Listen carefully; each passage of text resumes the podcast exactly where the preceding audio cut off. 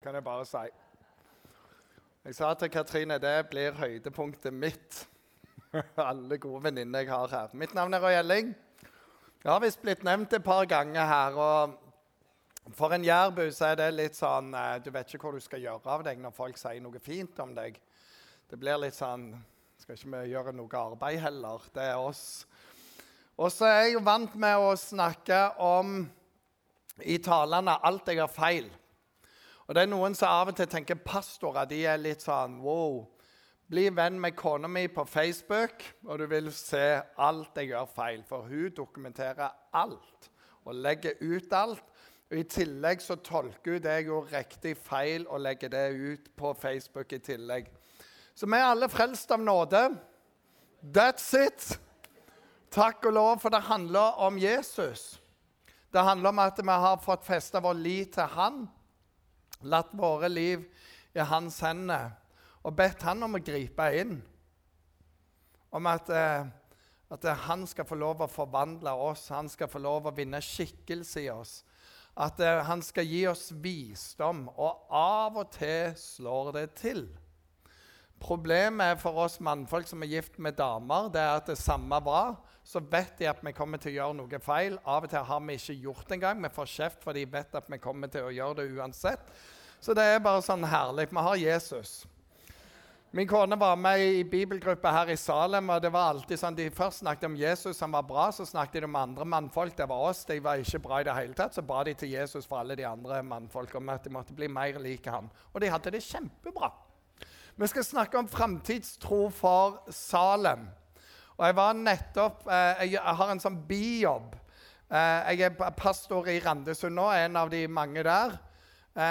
Men jeg har en bijobb i Sjømannskirken, norsk kirke i utlandet. Jeg har drevet med HMS-kurs der i snart 30 år og fått lov å møte veldig mange spennende folk. Og nettopp var jeg på en sånn stor greie, og en av sjefene i Equinor var der. Og han sa når vi skal se framover, så må vi alltid se bakover først. Hva har vi lært? Hva har vi levd? Hva kan vi ta med oss? Og så må vi se på hvordan tidene skifter her.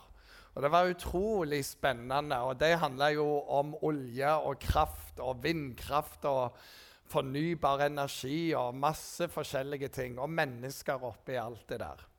I dag så handler det om Salem. Og, og som allerede har hørt fra Carl eh, Salems historie går langt tilbake. Elvegata det var en stor tid. Min historie med Salem startet i 1999. Bakgrunnen var at jeg var ungdomspastor i Stavanger misjonskirke.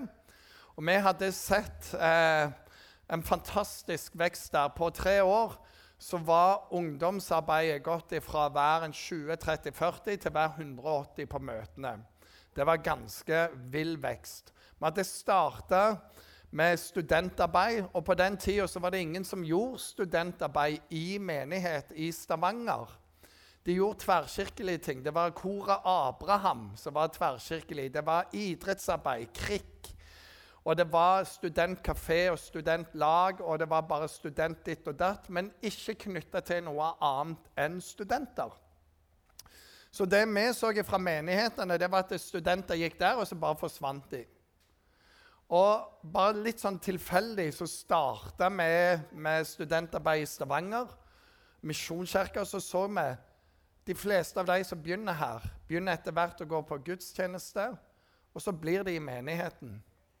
Og når jeg forlot Stavanger, så hadde mange av de som kom med i eh, studentarbeidet, de var i hele menigheten. Og når jeg kom tilbake og besøkte de, så var halvparten av de som var i lederskap i sentrale posisjoner, de hadde kommet via studentarbeidet. Så jeg hadde bare sett noe at det er noe av det lureste du kan gjøre i en menighet der det fins studenter i byen. Du må satse på studentarbeid. Og jeg hørte rundt sånn Nei, vi må ikke ha studenter, for de er der ett år, to år, tre år. Så forsvinner de. Vi har ingenting igjen for det. Så tenker jeg, Hva er det for en tankegang? Vi investerer i Guds rike. Og greia er at Gud betror oss folk. Noen betror han oss for ett år, og noen for to år, og noen for tre år. Og noen for 40, 50, 60, 70 år. Men Gud betror oss noe. Så, så, det var ikke ja, de forsvinner, men hva gjør du med, med, med, det som Gud betror deg? Og de som Gud betror deg. Du må gjøre det beste ut av det. Ansgar bibelskole hadde en sånn litt nedadgående spiral. Så de hadde spurt meg har du lyst til å bli bibelskolelærer på Ansgar. Og jeg var sånn Nei, det har jeg ikke lyst til. For jeg var rogalending. Og jeg er jo rogalending. Det hjelper jo i idrettsverden. Ingebrigtsbø, Narve og eh, Braut Haaland. Det hjelper på rogalandsgenet. Men jeg var så sykt rogalending.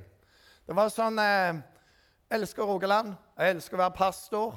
Og vi skal frelse hele Rogaland. Det var jo unger, Dere kjenner jo meg, noen av dere. Vi må ta alle med. Så jeg sa nei. Og så kom de et år etterpå. Kan du tenke deg eh, å flytte til Sørlandet? Nei, sa jeg. Nei, Kan du tenke deg å bli eh, bibelskolelærer? Nei. Og så sier Bjørn Øyvind Fjell, men kan du be? Ja, ja, ja, ja, sa jeg. Jeg kan jo be om det, for jeg trodde jeg visste svaret var nei. Og her er jo greia hvis du vil at folk skal ha en prosess med Gud, be de å be. For det som skjedde, det var at Gud forandra noen tanker inni meg. Og så flytta vi ned for å ta fatt på Ansgar. Kona mi var ikke glad.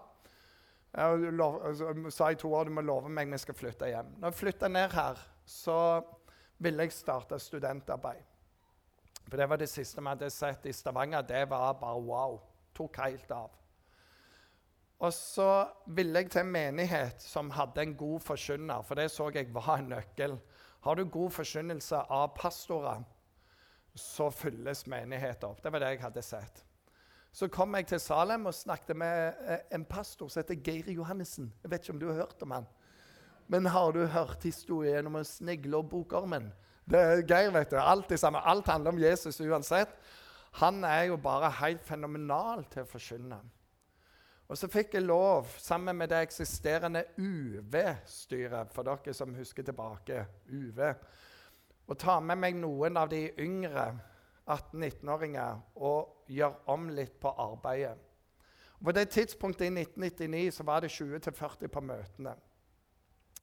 Første året der så økte det til 70 stykk.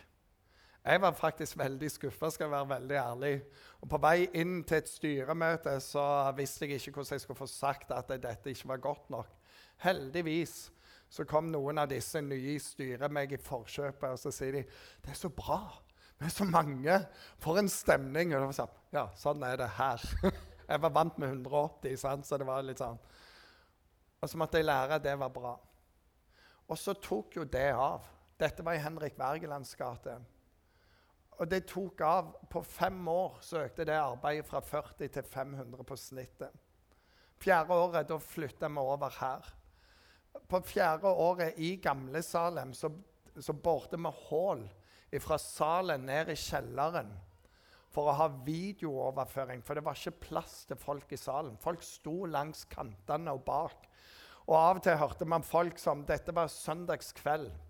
Og folk sånn ti på syv Nei, vi gidder ikke gå i Salem. Det er for fullt. Og når du sitter 50-80 på noen stoler og ser bare på en videoskjerm, da trykker det bra i lokalet. Og når vi kom over i dette bygget, så husker jeg første møte. Det var ikke bønnerom der bak. Det var stoler helt ut. Og det var pakke her, og det var pakke oppe på galleriet. Og så tenkte vi ja, men det er jo bare fordi det er nytt bygg, og folk er skuelystne. Men det slutta jo aldri. Og Vi hadde ikke lært på den tida at når det er fullt, så bare legger du til nye gudstjenester.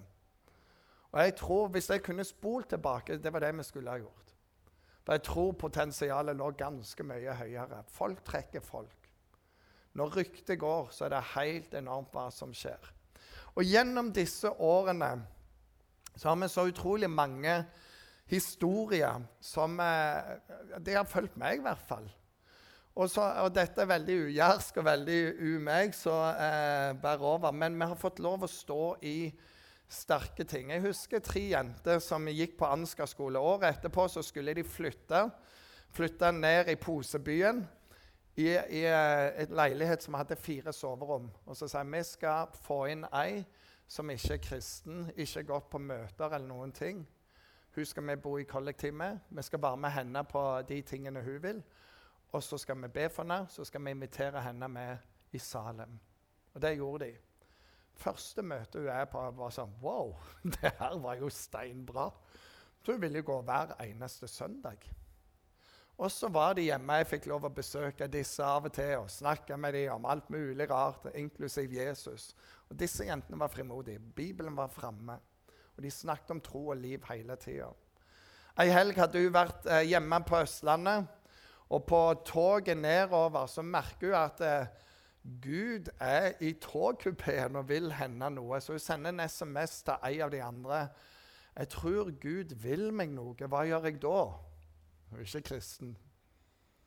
Og hun andre viser SMS-en til de to andre og sier nå må vi be.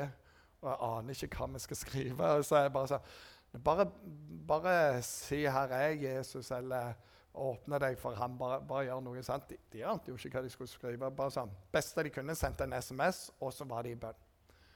Og så hører de ingenting mer. For dette er jo tilbake sånn 2000-2001.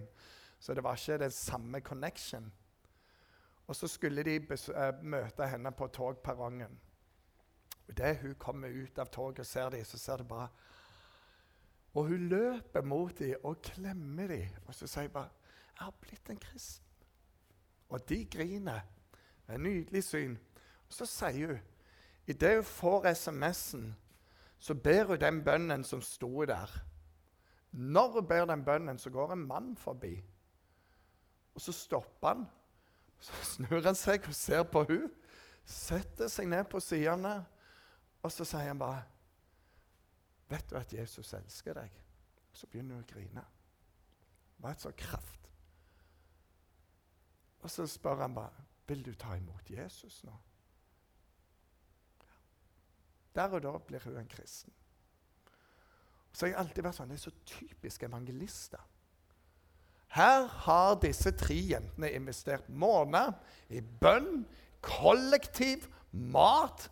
Vi har hatt sikkert 15 møter og vært på her i Salem. Liksom Bare varmene opp, og alle med i dette. her, Så kommer en evangelist bare, bom, der er jeg ferdig til plukket. plukke. Og han går sier ja, så var jeg på en togtur der nede mot Kristiansand, og så bare følte jeg at Gud leder meg. vet du, Og de er klare er innhøstning alle sammen her. Så sa, Hei, vi gjorde jobben! Og dette evangelister de bare snuser det opp. Takk Gud for evangelister, for de hjelper jo folk over dette. her. Bare si neste gang du hører en evangelist, vit at det, det, er veldig ofte at Gud har gjort ganske mye annet bak der enn bare at de gikk gjennom en togkupé. Jeg hadde to eh, venninner fra Vennesla. Jeg husker jeg traff eh, hun ene på um, Color Line, var det faktisk. Var på vei til Danmark. Hun jobbet der. Og så kom jeg til kassen for å betale og sa jeg har ei høne plukka med deg, Gjelling. Og tenkte hva er det nå jeg har gjort? Fordi det, er sånn av og til at den som snakker mye syndelett, står det i Bibelen, så av og til kommer ordet før hjernen kommer på. sant? Men så sier hun hør, vi har ei venninne som eh, ikke er kristen, ikke går på møte i det hele tatt. Og vi går i en menighet i Vennesla som vi elsker. Vi bare elsker alt med den menigheten. Men vi har visst hele tida at vi kan ikke ta hun med der, for det, det er sånn, hun vil ikke forstå det. Så vi tenkte vi inviterer henne med til Salem. På kveldsmøtet der. Og så gjorde vi det, og hun sa ja til vårt sjokk. Hun kommer ned der, det er jo stinn brakke dette i Henrik Wergelands gate. Og hun elsket alt med dette her. Hun elsket lovsangen, hun elsket forkynnelsen, og det var mange fine gutter. Alt med seg. Alt likte hun. Så når neste søndag kommer, så ringer venninna til meg. 'Hei, skal vi på møte på den der eh, i Kristiansand?' Vi måtte jo si ja. Når høstmarken spør om å få lov å komme. Og så sier jeg ett og et halvt år, hver eneste søndag, har vi vært i Salem nå. Har ikke fått vært på kveldsmøter hos oss sjøl, for hun vil til Salem. Og der må vi gå. Og så var det med glimt i øyet. Så tenk at vi kunne få lov og bety det for bestevenninna. Øyvind Varvik, som var pastor i uh, Philadelphia, han kom til meg etter vi hadde holdt på i tre år. Og Da begynte det å bli kø utenfor Salem. Hvis du skulle ha god plass, måtte du være et kvarter før. For det bare fyltes opp. Og Så sier han til meg nå skal jeg si deg noe, Roy Han sier ofte når jeg ber, og han ber mye, så ber jeg Fader vår, kom med ditt rike. En gang jeg ba det, så stanset Gud meg og sa ja, du må be for køene utenfor Salem. Kommer de trikke? Ja, be for køene. Ok, Så begynner han å be for disse køene utenfor Salem. Og det var ingen køer. Han ba for Salem i to-tre år, han. Og så hører han det er kø utenfor Salem. Så det er det jeg har bedt for. Så lenge. Så det er jo snodig å være pastor for filla og be for køen i Salem. Men det var det Herren sa. Og igjen da, han der evangelisten på toget som tok innersvingen på disse tre jentene og hele miljøet. Litt sånn òg. Gud forberedte noe i Salem som han fikk en pinsehøvding til å be for, og mange andre. Det er ikke bare den som står i det. Gud er i alle disse tingene òg. Vi hadde en gang i året noe vi kalte Kuprisen. Og det var en, bare, sånn, bare, for å gjøre noe helt annet, så hadde vi videoer, musikk, og folk kunne lage masse sprøtt her. For meg var det en måte å se nye talenter på. Hvem kunne plukke ut til forskjellige typer tjenester? Det visste jo ikke folk. Eh, og så hadde vi det moro. Det var bare latter. Og en av våre ledere han, eh, han var ganske fin på det. Til å komme fra Flekkerøya så passet han ikke helt inn der. Og så husker jeg vi lagde en video med han i, i, i et fjøs med masse kuer og kalver og sånn. Og så inn i en sånn innhegning så står han sånn Å, det lukter så vondt! står han sånn inni hjørnet.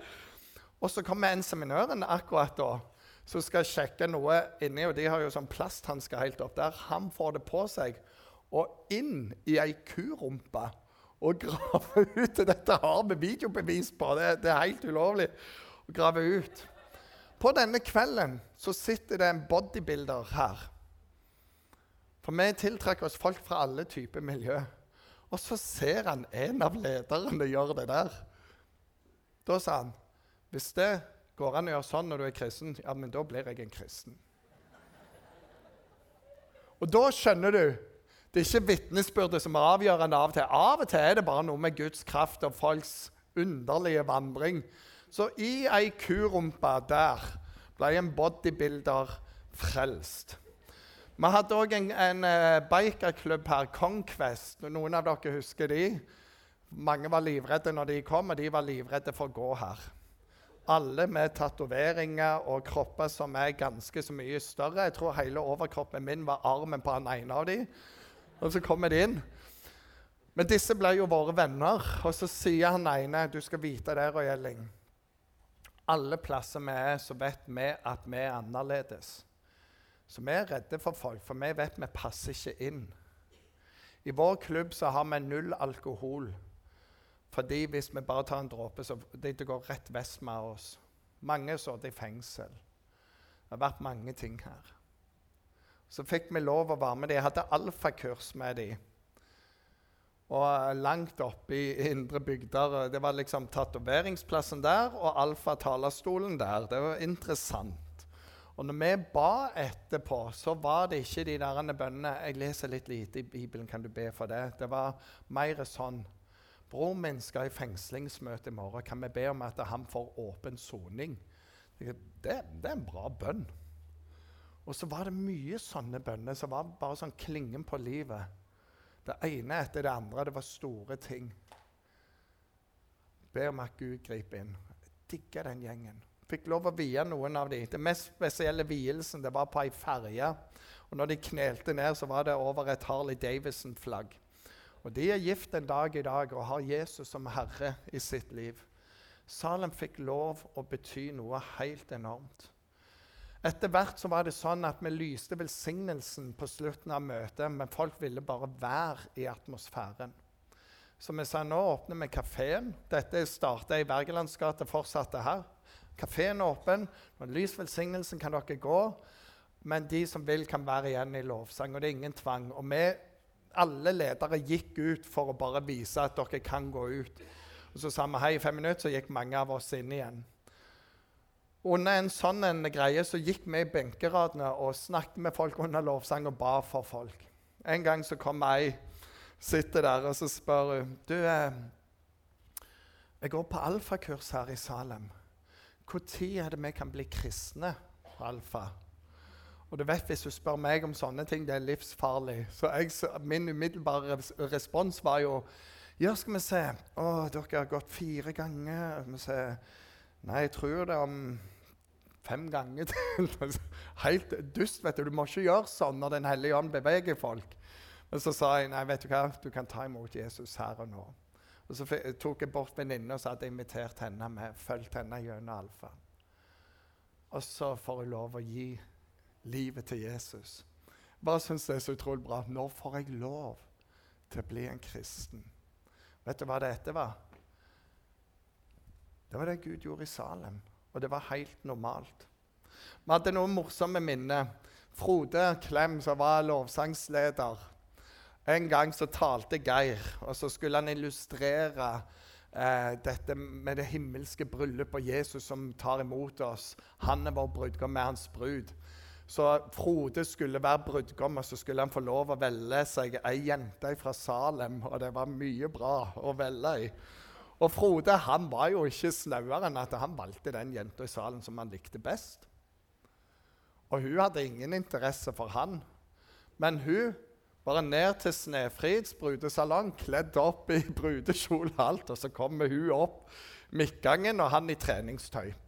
han leda lovsang. og alle Jeg husker ennå når hun kom opp, alle var bare sånn. Og hun kjente på jeg skal gifte meg. Der og da ble hun forelska i Frode. De ble gift, og de ble med å starte Justnes misjonskirke. You gotta do what you gotta do, man. Det var helt fantastisk. Det er noe av vår historie.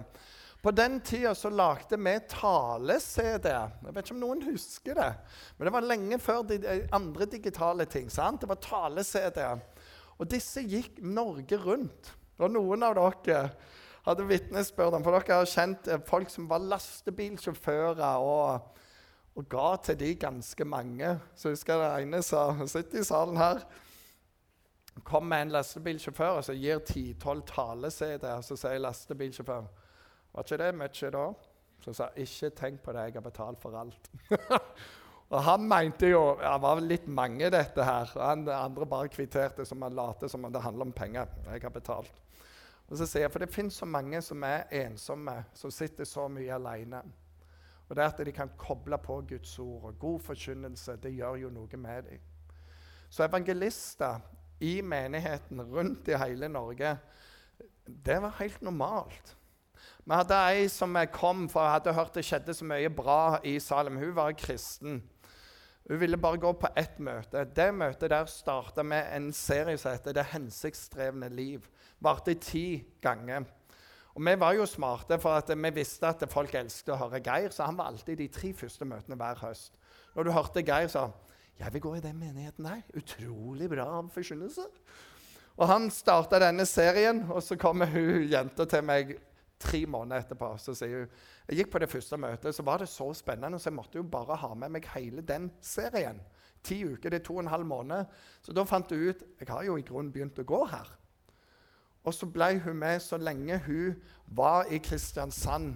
Og det fikk lov å bety mye for hun. Hun har en karriere i dag innen musikk. Fikk mye med seg. Også ut ifra Salem, for det er mange sånne historier jeg kunne ha fortalt. Eh, noe av det gøye når jeg sjøl fikk lov å lede møte eller tale i Gamle Salem Før vi flytta over her, det var så fullt i salen at når vi hadde lovsangstime og lovsangskor, så måtte de bare sitte på scenen. Så når du skulle opp for å gjøre et eller annet, så måtte du liksom bare tråkke deg over folk. Og du hadde ca. så mye å stå på hele talen, for det var folk overalt. Det var fantastisk. Og så begynte det å skje noe. Jens Kåre Lindahl han var i stab. Og Han ville flytte her, og det ville jeg òg. Han ville jo bo rundt Salem. Og det åpna seg aldri noe hus i nærheten. Men han var i prosess, han og kone Karianne. Så er vi på en tur med kveldsmøte. Vi ber. Og så er det ei som sier jeg har bare fått et sånt ord. Jeg syns det er så corny, men jeg må bare si det. Ja, vær så god. Vågsbygd. Takk for det profetiske ordet, søster. Vi vet hvor Vågsbygd er. sant? Nei, det var ikke sånn, men hun sa det er det. Så sier Jens Kåre, for ingen visste om hva han holdt på med. Sier, det er til meg, sier han. For at vi er i en husprosess. Og Vi har sett på så mange ting, men det er et hus i Vågsbygd. Vi har syntes det er for langt vekke fra Salem, men det er bare akkurat så det har klistra seg litt. Og når du sa det nå, så vet vi at vi skal kjøpe det huset der.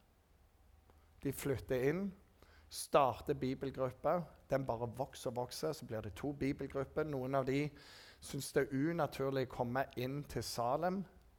Unaturlig å gi til Salem, for de bor i Vågsbygd, vil være der, aldri gått i Salem.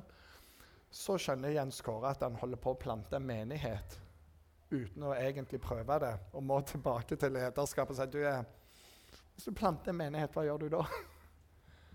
og så ble det starten på Vågsbygd. Og så har Salem hatt en runde med menighetsplantinger før. Men etter Vågsbygd så kom Justnes, som jeg fikk planta, Ytre Randesund, Hånes, Torridal. Vi lyktes ikke der, men noen ble frelst der i den perioden vi holdt på i Torridal. Hellemyr. Det er helt enormt hva det har blitt av menigheter rundt. Den ene etter den andre. Og hør, de menighetene en planter rundt i Kristiansand, vi samler mellom 1700 og 2000 til gudstjeneste hver helg. Det er Salem. Det er barnebarn. Og det som vi fikk lov å oppleve her, når vi summerer opp hva som skjer i disse menighetene, det er bare mangedobla. På et kveldsmøte som jeg hadde ute i, uh, i Randesund så var det en som hadde med seg eh, to fra videregående skole. Visste de ikke kristne, men her er det trøkket som var i Salem. Og så blir det bare sånn gitt anledning til at folk kan ta imot Jesus. De har ikke vært på møte siden jeg vet ikke, de var 13. Begge reiser seg opp. Han sitter i midten og bare sier Wow, hva skjedde nå? skjedde Jesus. Vi har så mange historier som folk tar imot Jesus. Menighetene vokser. Og De har gjort undersøkelser i byen og sier før var det 9 som gikk til eh, gudstjeneste. Nå er det rundt 11% Og så sier de hva er hovedårsaken? Menighetsplantinga. Hvor kommer det fra? I særlig grad Salem. Salem har plantet mer menigheter enn nesten noen i hele Norge.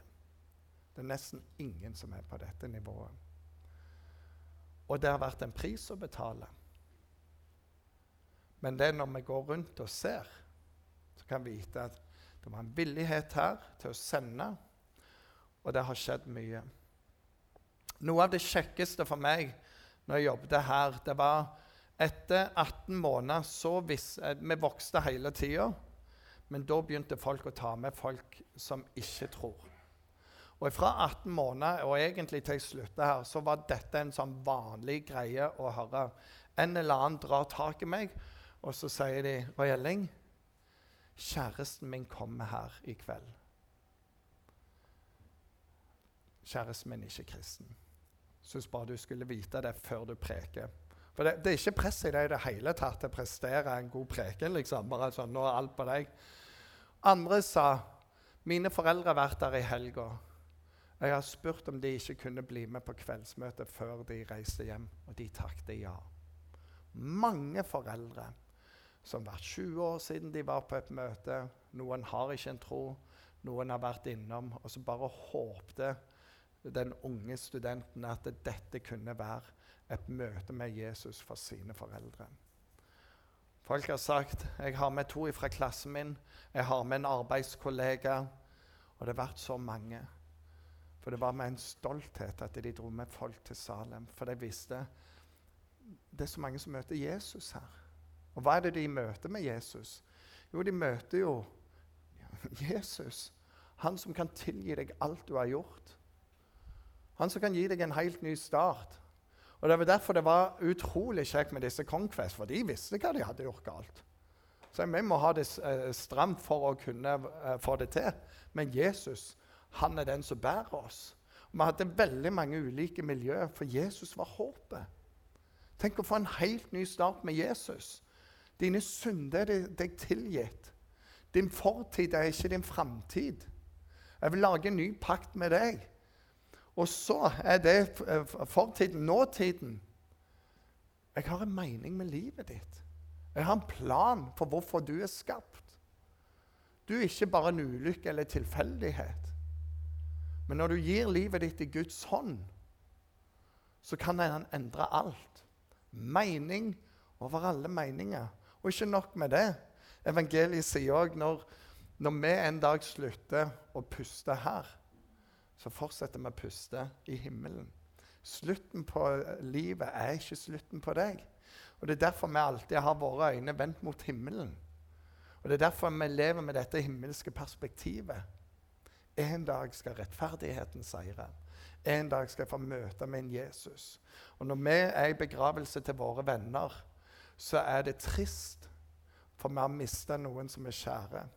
Samtidig som vi er fullt av glede, for vi vet jo når de åpner øynene, så ser de Jesus. De har det bra. Men det er litt vondt for oss som ennå ikke er der. Og så kan vi skrive på gjensyn. Forfremma til herlighet. Hvor andre plasser får du dette? Og her er greia. Jesus, når han gikk på jorda, han var rimelig populær. Tenk Salem når det piker her. Så var det sånn wow! Og så piker det med Jesus. Han uh, var overalt. Folk drog etter han. Og, og liksom, De bare venta på det neste han skulle gjøre. Så drar Jesus gjengen sin til, uh, til sides, og så spør han dem du, hvem, hvem, sier alle disse folka at jeg er? Nei, det er noen som sier du er døperen Johannes. Det er rimelig interessant, for de levde samtidig, men når uh, døperen døde, så sto han opp i Jesus. Det er en interessant teologi. Sier, men noen andre sier du er profeten Elia, eller du er Jeremia, eller du er en annen profet som er gjenoppstått. Og Så sier Jesus, OK, men hvem sier dere at jeg er? Og Da trer Simon Peter fram, og han sier, du er Messias. som skulle komme. Du er ham vi har venta på. Du er Guds sønn, frelseren. Og Jesus bare sa, salig er du, Peter.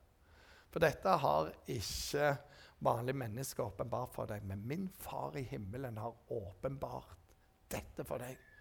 Og på denne klippet, ikke på Peter, men på åpenbaringen av at Jesus er Messias, så vil jeg bygge min kirke. Jeg vil bygge min menighet. Og på den ene sida så har Jesus bare én menighet i verden. Det er alle som tror. Og Det er derfor mange av oss som, eh, som eh, jobber for Guds rike sak, vi jobber nettopp for det. Guds rike sak. Så Derfor òg i Salem, når vi holdt på med kveldsmøtene, så fikk vi høre at det var ungdommer fra andre menigheter som var der. Og så snakket vi litt med dem, så sa de presten min eller pastoren min har sagt du må bare gå på kveldsmøtene. For du blir jo så gira når du kommer hjem. Og så ser vi hva det gjør i barnearbeidet vårt og ungdomsarbeidet vårt. Og vi var bare sånn wow! Tenk at vi kan få lov å bety det for bygdene rundt Kristiansand og i andre menigheter. At det ene møtet vi har, det bare spinner av en sånn Guds rike begeistring der folk står. For i himmelen så ikke det om du gikk i Salem eller om du gikk i Betania. Det tok du imot Jesus. På denne åpenbaringen vil jeg bygge min menighet. Så når det gjelder framtidstro for Salem, så er jeg sånn Klart jeg har det. Av og til så møter jeg folk som profeterer veldig mye. Og så må jeg si jeg tror på profetier. Jeg kunne fortalt tale om profetier som bare endrer ting. Samtidig så er det mye lykkeønskning. Og når jeg hører «Ah, jeg har bare fått det fra Herren Gud vil noe med denne menigheten, så tenker jeg det hadde vært en profeti hvis noen kom og sa Gud vil ikke noe med denne menigheten. Legg den ned. Det hadde vært profeti. For Gud vil noe med alle menigheter. Alle menigheter har det samme oppdraget, å hjelpe folk til troen på Jesus. hjelpe de leve liv med han. Og så har hver menighet et spesielt oppdrag. For dere er plassert på Lund, vi er i Randesund, og noen på Hellemyr. Og det er forskjellig, og noen i Nord-Norge til og med. Det er helt forskjellig. Oppdraget er det samme, og samtidig er det noe spesielt. Og det er der vi trenger å lytte inn. Gud, hva, hva er høsten vår her? Hvem er det du har sendt oss til nå? Hvem er det som åpner for evangeliet nå? Hvordan kan vi legge ting om som gjør at det er lettere for folk å komme inn? Hvordan kan vi leve i dette? Andre typer spørsmål. Men Jesus har sagt 'Jeg vil bygge min menighet'. Og her er greia med Jesus. Han er i går og i dag den samme ja til evig tid. Og Det er derfor når vi forteller sånne historier, så tenker jeg kan Jesus gjøre det? Selvfølgelig kan han gjøre det. Han har gjort det, og han kan gjøre det igjen. Men vit det, alt det som har skjedd og skjer i Salem, det har sprunget veldig ut. Jeg tror ikke disse menighetsplantingene som har sett i Kristiansand, hadde vært mulig uten det studentarbeidet. For de ble voksne, så fikk de barn, og så flyttet de ut der de hadde råd til å kjøpe et hus. Og så hørte det kom en misjonskirke, og det ville de være med i. Og vi som misjonskirke rundt dere skal vite det, vi ber for Salem. Pastor Jarle, som akkurat sluttet hos oss, han har alltid sagt vi trenger et sterkt Salem. Vi må be for Salem være med og velsigne Salem. Bare så dere vet det. Ber for dere. Og så må jeg si en ting. Jeg har møtt en fyr i det siste. Han har ringt til meg mer enn kona mi. Jeg har tre karer som er kone 1, 2 og tre, for Katrine nummer fire. For hun snakker minst med i telefonen av disse fire. Og han ene der han har så sykt tro på Salem. Det er Salem ditt og Salem datt. Og det er ikke måte på hva Salem eh, har av potensial og kommer til å gå gjennom. Vet du hva han heter? Han heter Rune Heimvoll. Og på Lista-dialekt i tillegg, så det blir litt sånn der svung over det. sant? Jeg kan bare tro med, med altså. Det er så, altså bare kjører han på der. Så når han som kommer her, kommer, så kommer det en fyr som virkelig tror på menigheten. Jeg fikk lov å være på kveldsmøte i går. For en gjeng. Jeg, jeg, jeg, reiste hjem og så spurte de, hvordan var det. Roy? Jeg jeg hadde elsket å få lov å være pastor for den flokken der. Gode folk, trofaste, hjertelige. Det er helt fantastisk. For en gjeng. Mye, mye å bygge på. Mye godhet. Jeg likte det så godt. Men her er greia. Vi må først, ha, først og fremst ikke ha tro på Salem men på Gud. Og Ditt hjerte handler ikke om alt det strategiske, og alt det, men det handler om din relasjon til Jesus. Når du sjøl erfarer evangeliet på nytt og på nytt, hva som er det, tror du på det du tror på? For hos meg så er det sånn når jeg snakker med folk, og de forteller om livet, så tenker jeg hele at du trenger jo Jesus. Hadde du fått Jesus inn i dette, her, så hadde du sett det annerledes. Vi er ikke spart for vanskeligheter i våre liv heller. Vi er ikke spart for tap og smerte. Men vi har en å gå sammen med det igjennom. sant? En vi kan be til om alle ting. Og vi har fellesskapet her, som er helt enormt. Så mest av alt søk Jesus for din del. For om menigheten er her, så er du tempelet. Du er et tempel for Den hellige ånd som bor i deg. La ham få rikelig plass. Invester i fellesskapet. Bli med i smågrupper. For det handler om at du har det godt med andre kristne som søker Jesus. Bli med på de tingene som er. Det kommer Menighetsviken i september. Bli med. Du risikerer å få venner. Du risikerer å bli veldig glad i de folka som er der. Og når de tingene skjer, og dere får en Rune Heimvoll som vil ditt og datt, så blir det jo veldig bra, dette her. Og ikke se tilbake for å få det sånn igjen, men se tilbake med, med blikket framover og feste på Jesus. Og drømmen for oss som står rundt, det er å høre Vet du hva? På Salem da, så var det noen som kom inn, og de er bare Jesus har forandre livet deres. Amen. Hørte nettopp fra en av disse eh, menighetene som jeg eh, starta ut fra Salem. De hadde første møte nå. Og spurte jeg hvordan, hvordan var oppstarten hos dere. Nei, det kom en familie. Så sa Brenn som kom til meg og sier jeg har vært så borte fra Gud. Så bare bestemte jeg jeg måtte komme meg på møte. Og kom inn i denne menigheten, altså ikke her, men i en av disse provinsene, som Carl sier, og så, og så bare møte Jesus igjen. Darven etter Salem. Jeg har lyst til å be. Herre Jesus, jeg takker deg for Salem. Jeg takker deg for den menigheten Salem er, og takker deg for alt det Salem har betydd. Herre, jeg takker deg på grunn av Salem. Så vet jeg om flere som er i heltidstjeneste i dag, som aldri hadde tenkt at de var en kandidat. Men du gjorde noe i deres liv. Jeg takker deg for alle de ekteskap som er blitt bevart. Alle de barn som har funnet troen. Alle naboer og venner som har funnet deg. Takker deg, Herre, for alle menigheter som er planta ut fra Salem. Og så er det denne sangen 'Når du velsigner de andre, Herre, glem du meg, ei meg'. Og det ber jeg for Salem framfor denne høsten, denne vinteren. At du bit for bit skal få se at det, det de drømmer om her, det begynner å skje. At det kommer nye, at folk blir frelst. At folk som vandrer med deg, oppdager enda mer hvem du er. Jeg ber om at det fellesskapet skal bare vokse seg varmere og sterkere igjen.